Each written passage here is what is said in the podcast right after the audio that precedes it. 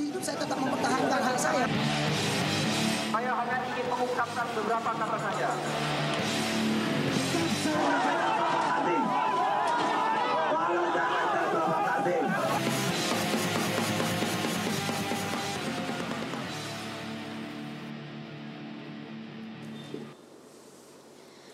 Halo semua, balik lagi bersama Naila di sini di podcast Kontras dan kali ini kita akan membicarakan tentang kasus panina, paniai kemarin yang ada di 8 Desember 2014.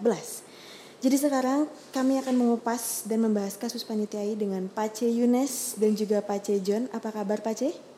Baik, terima kasih. Saya baik-baik. Oke, Pace boleh memperkenalkan diri terlebih dahulu?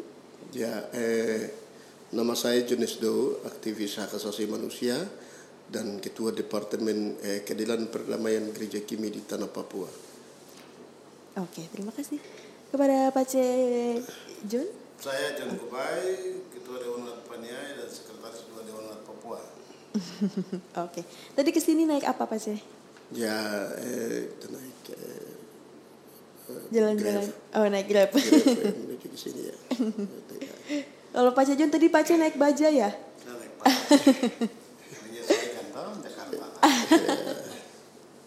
Oke.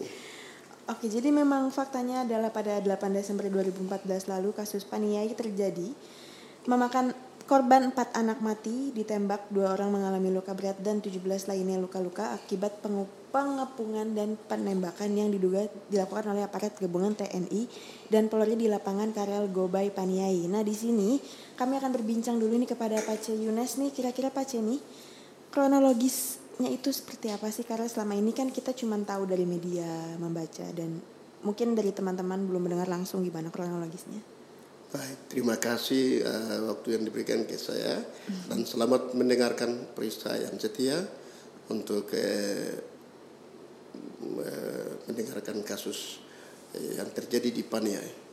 Baik, eh, kami eh, memberikan penjelasan tentang kronologis kejadian di kasus Paniai pada tanggal 7 dan 8 Desember 2014.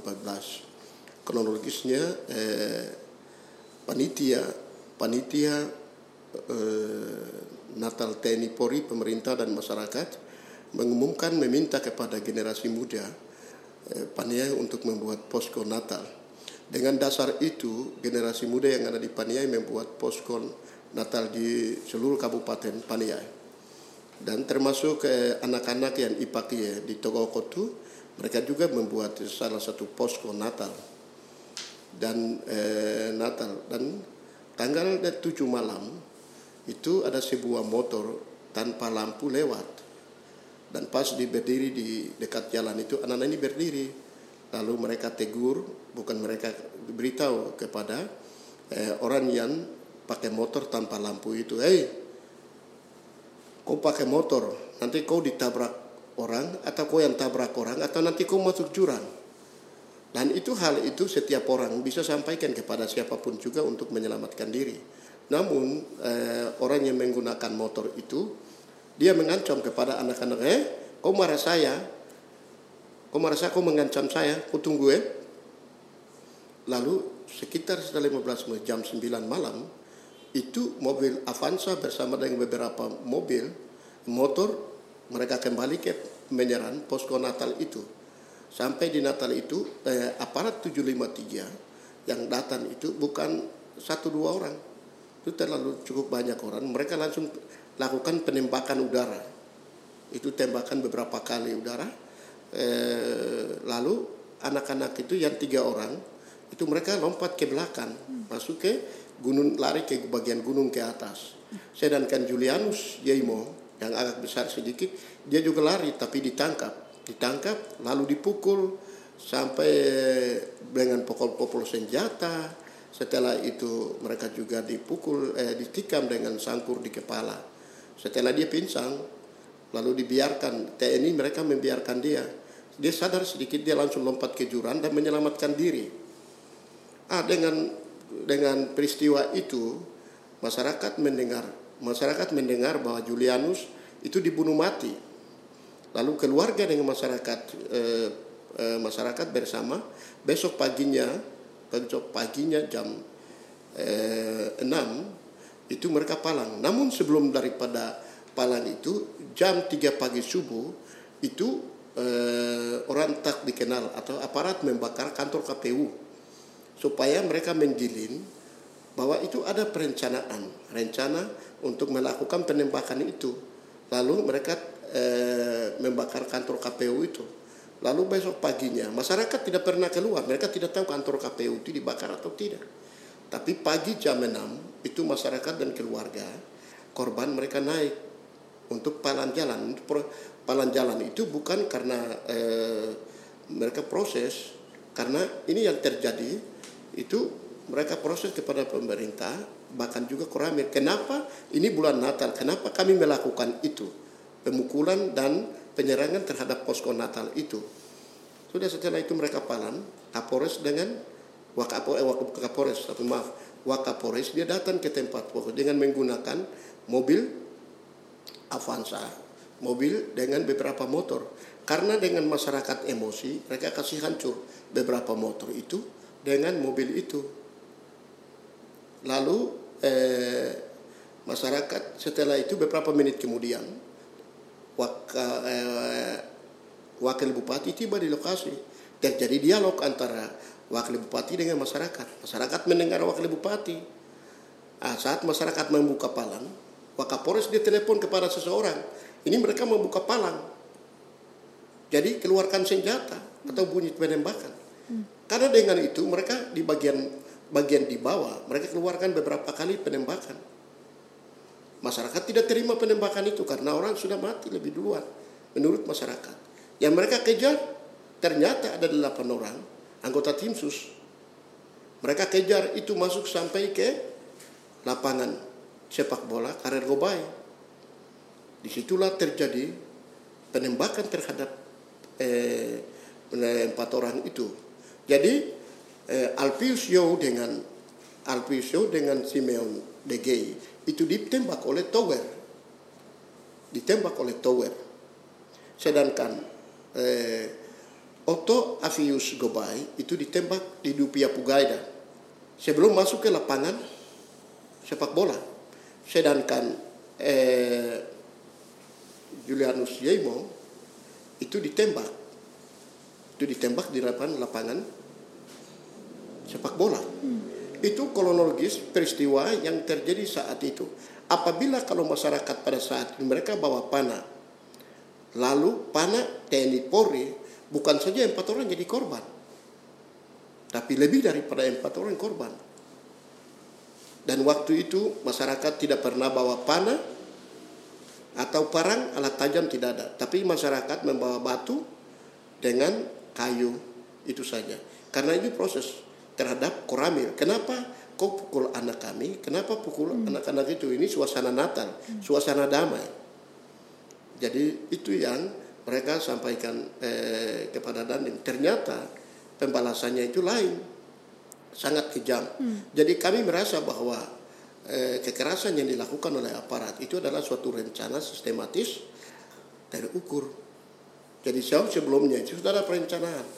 Oke. itu terhadap masyarakat itu Dan memang sebelumnya belum ada kejadian seperti itu ya, Mbak C?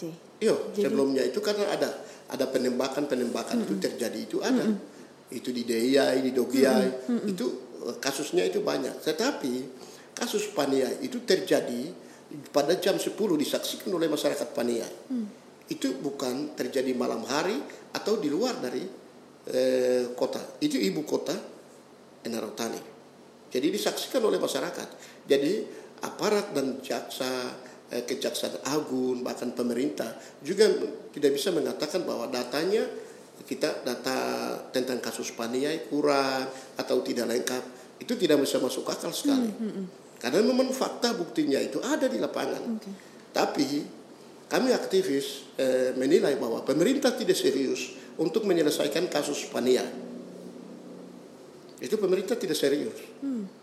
Iya dan memang kurun waktunya selama dua tahun yang setelah ada pembicaraan ingin ada tim adok, ya kan, Pak C yang pada tam- tanggal 8 Desember itu kasusnya.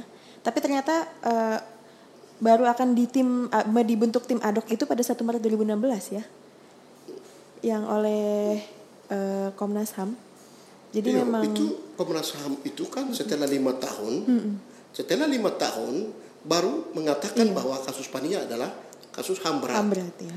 HAM berat. Itu sekarang begini, pemerintah percayakan bahwa Komnas HAM itu adalah lembaga independen untuk menangani kasus, mengungkapkan kasus-kasus yang ada di kasus-kasus yang ada di Indonesia. Tapi mereka kasus Pania, kasus HAM berat diajukan oleh Mahkamah Agung. Tetapi kalau Mahkamah Agung tidak percaya terhadap terhadap Komnas HAM, maka maka maka akan diragukan oleh Jaksa Agung itu sendiri. Itu. Kalau itu terus terang saja sampaikan kepada kami keluarga korban dan kami aktivis hak asasi manusia bahwa kami Jaksa Agung tidak serius untuk menyelesaikan persoalan Papua atau persoalan kasus HAM-HAM di Papua termasuk kasus Pania. Terbuka aja kita kasih tahu. Bilang saja kami kamu eh, orang Papua atau orang Pania bukan dari bagian dari NKRI. Lebih baik itu kasih tahu seperti itu. Kami juga manusia, tidak sama seperti warga negara Indonesia lain, bahkan juga bagian dari masyarakat dunia lain. Dan ini juga bertolak belakang dengan pernyataan Mahfud yang bilang bahwa pada era Jokowi tidak ada kasus pelanggaran HAM. Padahal Iya, ini itu- kasusnya masih terbuka itu, ya. Eh, MD Mahfud itu dia perlu memahami dengan benar kondisi Papua yang terjadi. Hmm, iya. Dia tidak punya data karena dia tidak punya data satu. Yang kedua itu dia membela dia punya kepentingan pribadinya, Oke. kepentingan pribadi. Itu yang dia mengatakan itu.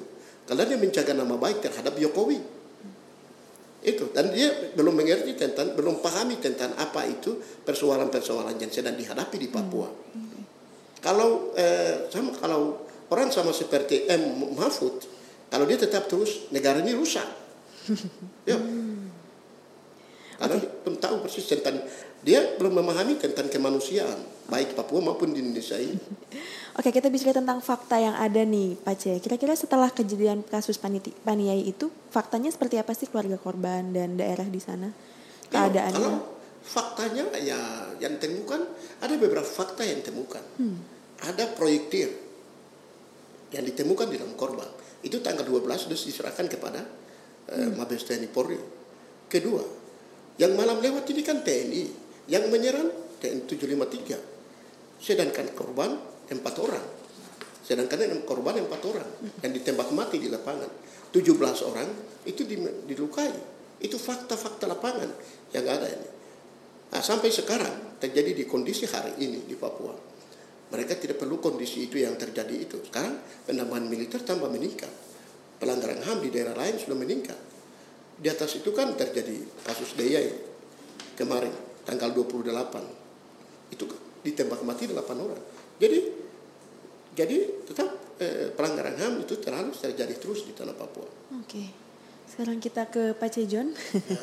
Oke Pak Cejon, sekarang eh, aku mau tanya nih, untuk kondisi dan mungkin mentalitas keluarga, psikologisnya itu sekarang seperti apa ya Pak C? Setelah kejadian Paniai ini, menurut Pak? Ya tentunya di mana-mana keluarga kalau anggota keluarganya menjadi korban dan itu bukan karena sakit, eh bukan karena sakit itu pasti menyakitkan. Kalau sakit dan sakitnya cukup lama dia sudah merawatnya itu walaupun berat kadang-kadang mereka bisa menerima kenyataan bahwa daripada dia hidup tersiksa oleh penyakit kalau Tuhan panggil karena memang waktunya ya itu biasa orang merelakan. Hmm. tapi yang seperti ini kan di mana-mana saya kira orang pasti tidak bisa terima. Dan keluarga korban pun juga sama. Walaupun di bibirnya dia bilang ah sudah tidak mungkin bangkit kembali lagi. Tapi tidak di hati kecilnya saya rasa itu hal yang sangat wajar. Orang merasa- orang keluarga merasa kehilangan. Apalagi ini kan anak-anak usia sekolah. Hmm. bukan orang yang sudah lansia. Usia sekolah usia yang pasti menjadi harapan keluarganya. Iya. harapan bangsa harapan daerah harapan dari gereja. Hmm. Dan yang menjadi korban itu belum 20 tahun ya Pak C ya? belum Belum. Itu dia. rata-rata anak sekolah anak yang orang tua laki dan perempuannya sudah karena yatim piatu Hmm. Oke. Eh, kita kembali ke Pak C Yunes. Pak C berarti eh, apakah benar ini cuma formalitas belaka aja nih yang selama ini yang sudah dilakukan oleh pemerintah terhadap kasus Paniai? Dengan Ayo, karena untuk di pemerintah bukan formalitas. Pemerintah tidak menyentuh terhadap persoalan pelanggaran hak asasi manusia di tanah Papua sampai hari ini. Karena satu kasus HAM yang ada di Papua pun tidak pernah menyelesaikan kasus HAM itu. Jadi per- pemerintah eh, tidak menyentuh sama sekali. Jadi apakah pemerintah ini memang dan kami orang Papua itu bagian dari eh, NKRI atau mereka memandang kami orang Papua itu bukan manusia? Oke.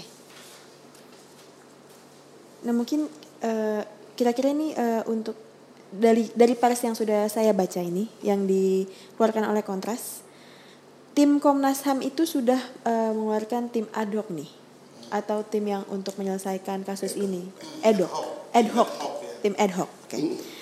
Nah pada pada selama 80 hari sudah berlalu ini kasusnya masih belum ada kejelasan nih Pak Isi, pada tim saat itu. ad hoc itu sudah dibentuk, tetapi itu kan ada beberapa orang pengacara dan termasuk paterneles ada beberapa orang mereka masuk di dalam tim ad hoc itu. Tapi karena tim ad hoc itu tidak jalan, mereka bubar sendiri. Hmm. Ya, itu itu yang Komnas HAM yang lalu punya. Sekarang itu yang eh, kami merasa eh, bersyukur dan terima kasih kepada Komnas HAM.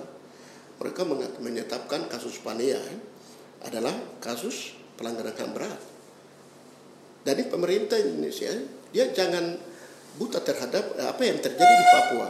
Karena di Dewan HAM PBB menetapkan daerah Papua adalah daerah konflik bersama dengan beberapa daerah juga termasuk ada beberapa tiga daerah di seluruh dunia termasuk Papua juga termasuk daerah konflik di Papua.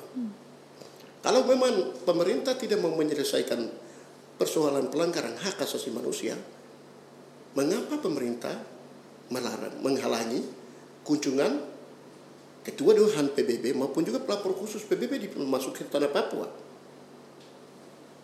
Ini kalau menghalangi berarti dia menutupi suatu Iya. persoalan besar ada di. Papua. Dia tidak bisa katakan bahwa ah ini kami punya eh, wilayah kedaulatan. Ya kalau wilayah kedaulatan dia selesaikan. Kami juga kami orang Papua juga manusia. Kami juga diciptakan oleh Tuhan. Untuk itu kami minta dengan hormat kepada pemerintah Indonesia. Ya, mari selesaikan persoalan itu dengan damai dan juga eh, bisa menerima semua orang. Gitu. Oke, kepada Pak Cijun, kira-kira apa sih yang sebenarnya keluarga korban butuhkan saat ini? Untuk setelah kasus Paniai ini. Ya, di mana-mana namanya keluarga korban itu pasti menuntut keadilan. ya. Oke. Dan sesuai dengan apa, harapan, sesuai dengan aturannya. Itu ini kasus sudah masuk dalam tahapan sesuai Undang-Undang 39 tahun 99 dan dia sudah meningkat basisnya Undang-Undang 26 tahun 2000. Nah, kalau dia kategori pelanggaran HAM berat oleh Komnas HAM, harus ke pengadilan. Ini penting agar ada efek jerah bagi orang-orang yang kemudian akan menjadi calon-calon penembak mati orang Papua. Gitu, ya. Jadi selama ini kan di kasus banyak kasus-kasus pelanggaran HAM, kemudian kasus-kasus pidana, ya, pidana penembakan mati atau penembakan yang mengakibatkan orang luka-luka. Ini kan hukumannya selalu tidak memberikan rasa keadilan kepada keluarga korban, kepada korban. Karena pengadilannya kan cuma diadili di internal. Contoh, kalau di polisi ya di propam. Kasus di di Mepago itu ada di Intan Jaya cuma berapa? Cuman beberapa hari. Vonisnya minta maaf turunkan. Nah ini kan tidak memberikan rasa keadilan kepada kepada korban dan korban khususnya keluarga korban tapi umumnya bagi orang Papua ini persoalan ini persoalan orang Papua jadi apalagi seperti kasus Pania ini ini sudah menjadi keprihatinan bersama orang Papua dan orang Indonesia yang pro demokrasi dan dan menjunjung tinggi hak asasi manusia. Iya. Dan sering kali menjadi paradoks ya, Pace kalau misalkan memang aparat itu kan yang seharusnya menjaga kita. Tapi ternyata malah dia yang eh, menimbulkan rasa ketidakamanan ke kita. Itu sih yang menjadi hal yang sangat ironis. Nah, Jadi ya soal ini untuk memberikan rasa keadilan kepada keluarga dan eh, orang Papua dan orang Indonesia dan dan dan masyarakat internasional itu harus tiba di pengadilan. Pertama memberikan rasa keadilan bagi kita kelompok yang tadi saya sebutkan, tapi juga memberikan efek jerah bagi orang-orang yang adalah calon-calon penembak mati orang Papua. tapi mungkin memang seharusnya tidak ada sih calon penembak mati orang Papua. Iya, kita kalau kondisi seperti ini, ya, kondisi seperti ini di mana pengerahan pasukan terus terjadi ke Papua, kemudian pendekatan militeristik masih terus menjadi menjadi pilihan, itu tidak. Jadi oleh karena itu saya bilang calon penembak mati, supaya ada efek jerah bagi mereka, agar mereka tidak melakukan tindakan menembak orang tetapi orang bisa mereka dapat melakukan pendekatan dengan orang Papua dengan menggunakan hati dengan menggunakan mulutnya untuk dapat bicara secara baik-baik dengan orang Papua. Oke. Itu, itu, itu maksud. Jadi kita memahami konteks calon penembak mati itu yang itu Oh, oke. supaya jangan jangan ada pe- pengulangan atas peristiwa yang seperti kasus Pania ini. Ya berarti di sini semakin terlihat ya betapa pemerintah tidak memberikan concern terhadap kasus ini gitu. Dan mungkin kalau misalkan di sana itu Pace kira-kira memang setelah kasus itu apakah ada penyuluhan untuk psikologis keluarga atau mentalitas untuk menyembuhkan mereka dari pemerintah? Apakah ada Pace atau tidak? selama ini walaupun LPSK ya LPSK itu sudah pernah ke Paniai. Hmm.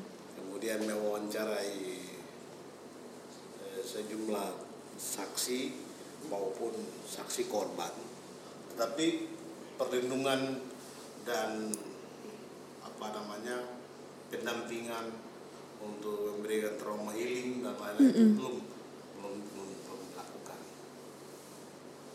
Jadi eh, ini juga harapannya menjadi perhatian dari LPSK yang memang dimandatkan oleh Undang-Undang Perlindungan Saksi dan Korban itu untuk melakukan pendampingan kepada korban dan saksi. Apalagi eh, kasus ini sesuai dengan kewenangannya itu Komnas HAM telah menetapkan sebagai kasus pelanggaran HAM berat Hmm. bukan kementerian ini, kementerian itu. Hmm. Iya kan? Komnas HAM. Komnas HAM, undang-undang jelas. Ini negara ini negara hukum. Orang mesti patuh kepada hukum, bukan menggunakan kekuasaan untuk mempolitisir kasus.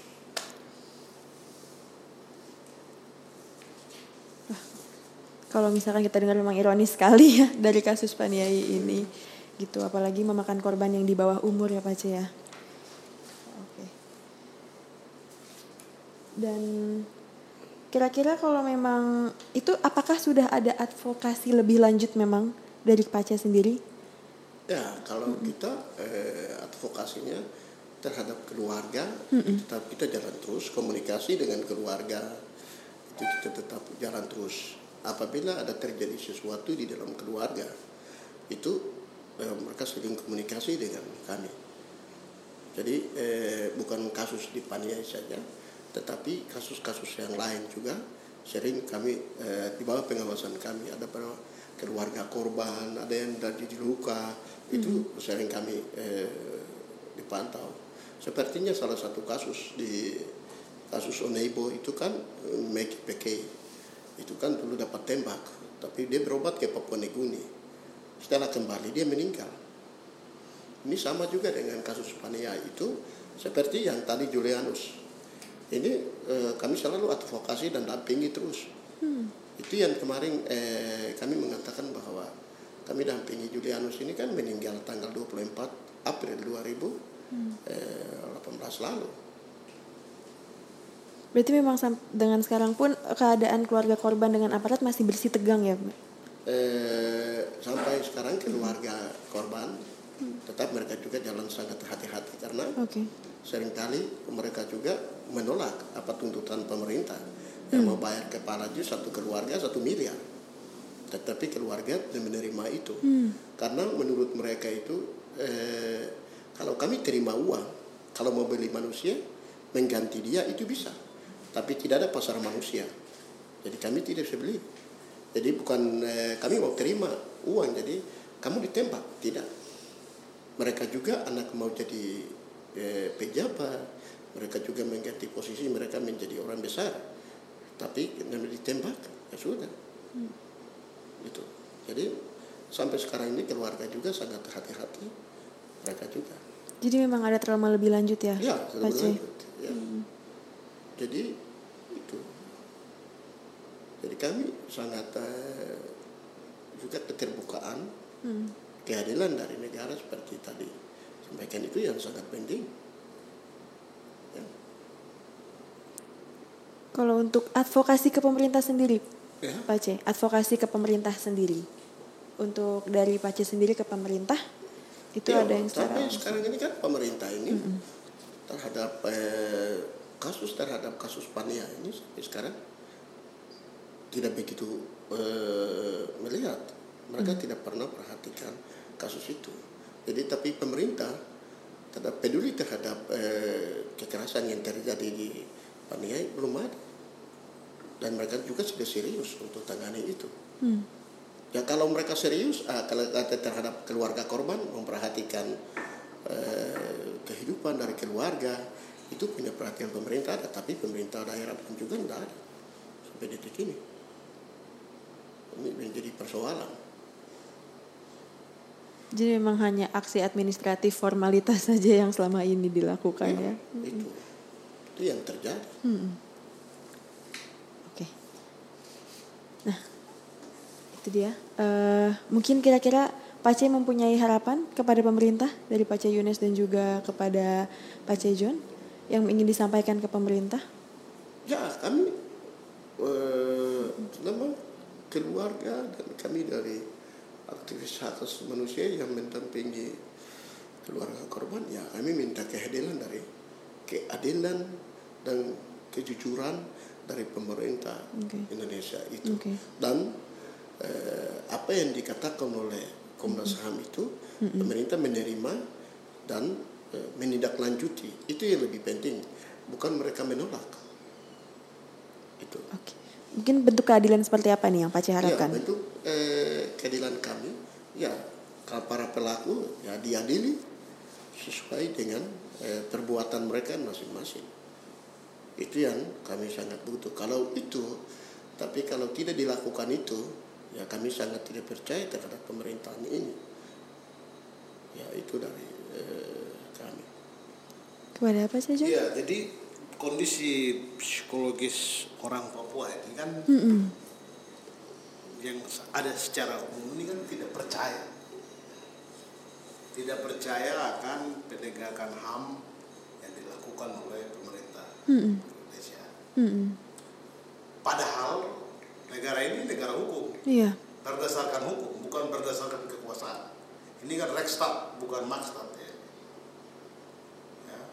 Jadi sebagai penegak hukum, kejaksaan agung mestinya tidak tidak pakai acara mengembalikan mengembalikan berkasnya Komnas HAM. Ya. Ini kan ada yang aneh kan? Iya. Begitu Komnas HAM mengumumkan kasus pelanggaran HAM Paniai se- sesuai dengan Undang-Undang 26 2000 sebagai pelanggaran HAM berat, kan kepala KSP udah ribut tuh. Seakan-akan beliau ini ditugaskan oleh undang-undang untuk dapat memberikan keputusan bahwa menyimpulkan bahwa ini adalah pelanggaran HAM berat atau bukan. Ya. Ada yang juga kemudian Kejaksaan Agung mempunyai keputusan yang kita sudah dengar. Yang sebenarnya secara resmi belum. Hmm. Ya kan? Secara resmi kan belum. Nah, di sinilah eh, kok Kejaksaan Agung mesti mempertimbangkan kembali agar kasus pelanggaran HAM berat di Papua yang telah ditentuk, yang telah diputuskan atau menurut kesimpulan Komnas HAM dia masuk kategori pelanggaran HAM berat seperti kasus Wamena, Iya. kasus Wasior. Yang ketiga ini kan paniai. Hmm. Jangan dibuat seperti pingpong, seperti bola. ya. Dari Kejaksaan Agung dikembalikan ke Komnas HAM. Nah, ini yang menimbulkan rasa tidak percaya Hmm. dari orang Papua terhadap penegakan HAM di Indonesia. Untuk itu, apa namanya, eh, sesuai dengan kewenang, sesuai dengan kewenangannya, Kejaksaan Agung agar eh, mempertimbangkan kembali. Yang kedua, karena membentuk tim penyidik untuk eh, kasus pelanggaran HAM berat Paniai dan membentuk dan presiden membentuk peraturan presiden pembentukan pengadilan HAM di provinsi Papua. Mengapa?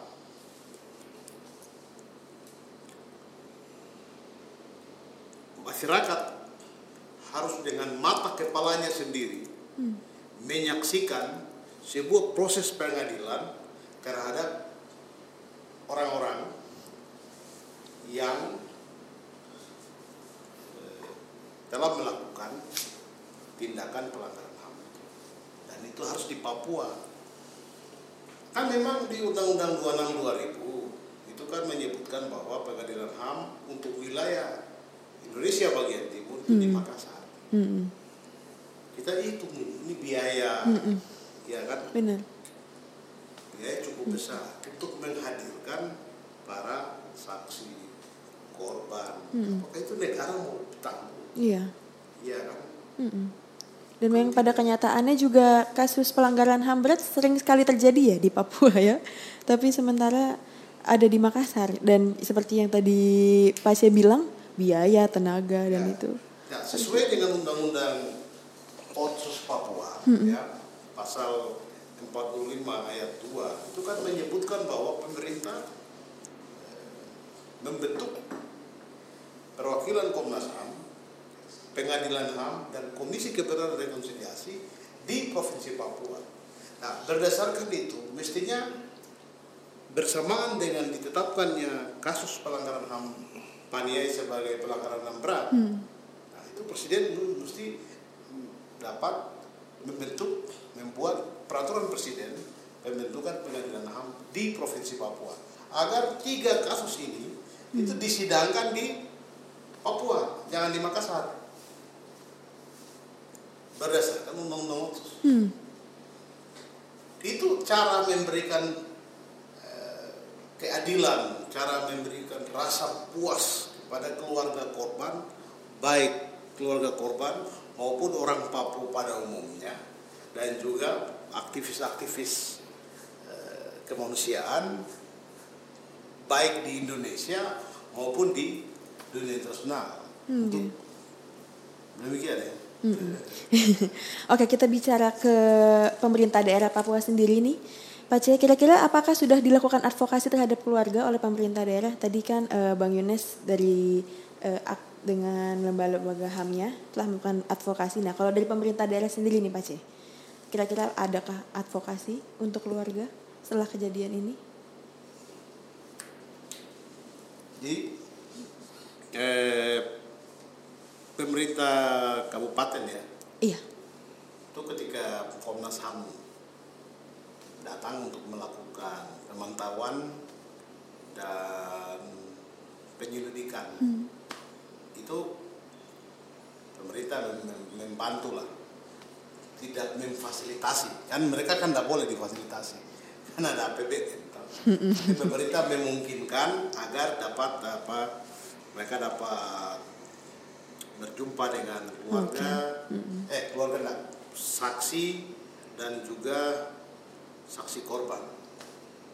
Nah ketika selesai apa namanya jadi uang duka ada ya bantuannya uang duka bukan dalam konteks apa denda atau apa yang lain-lain tidak itu namanya juga pemerintah daerah kan rakyatnya membantu karena orang keluarga berduka Iya. itu ada. Itu memang jumlahnya tidak besar tapi kita kan tidak juga harus melihat dari nilai dari berapa jumlahnya tapi nilai itu yang penting. Itu uang dukanya dari pemerintah daerah atau Ya, dari Ah, kabupaten. Kalau untuk eh, jadi itu kan begini dalam adat itu kan ini kan orang kena darah kan darah ini harus dibersihkan dia kena tubuh jadi memang harus ada ada ritual adatnya gitu. itu pa- pada waktu itu antara lain juga untuk kepentingan itu Oke. Selain material, apakah ada lagi advokasi yang lain terhadap warga, Pak?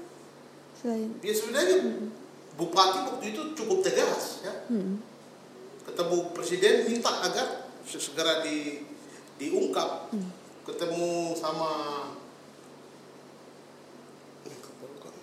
Menko Polkam, beliau bilang saya mau segera kasus Pania itu di, diungkapkan. Begitu.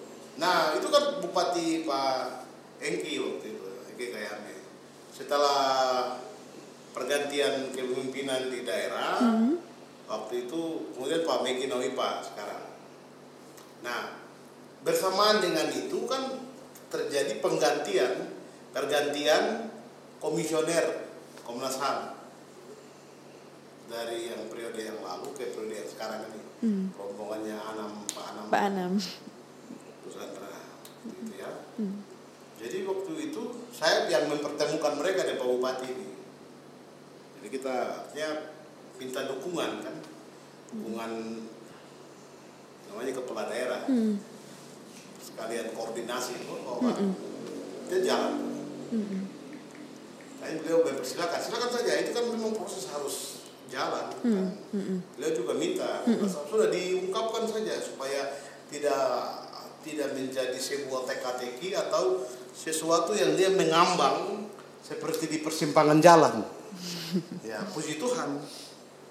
Komnas HAM berhasil kemudian memberikan kesimpulan terhadap kasus eh, pelanggaran HAM di dulu kan mereka katakan dugaan pelanggaran HAM ya sebelumnya kan Mm-mm, 7 dugaan. dan 8 Desember tahun 2014 di eh, Paniai. Sekarang dengan ada kesimpulannya telah terjadi pelanggaran HAM dan itu kategorinya berat.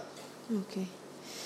Oke, terima kasih kepada Pak Yunis dan juga Pak John. Semoga setelah ada pernyataan ya bahwa ini adalah kasus pelanggaran HAM, berat, ini bisa diselesaikan dengan cepat. Iya, Oke. Itu dia podcast kali ini mengenai kasus Paniai. Tunggu dengan podcast kontras selanjutnya. Eh, saya Nela pamit undur diri. Terima kasih. Sampai berjumpa lagi. Mati hidup saya tetap mempertahankan hak saya. Saya hanya ingin mengungkapkan beberapa kata saja.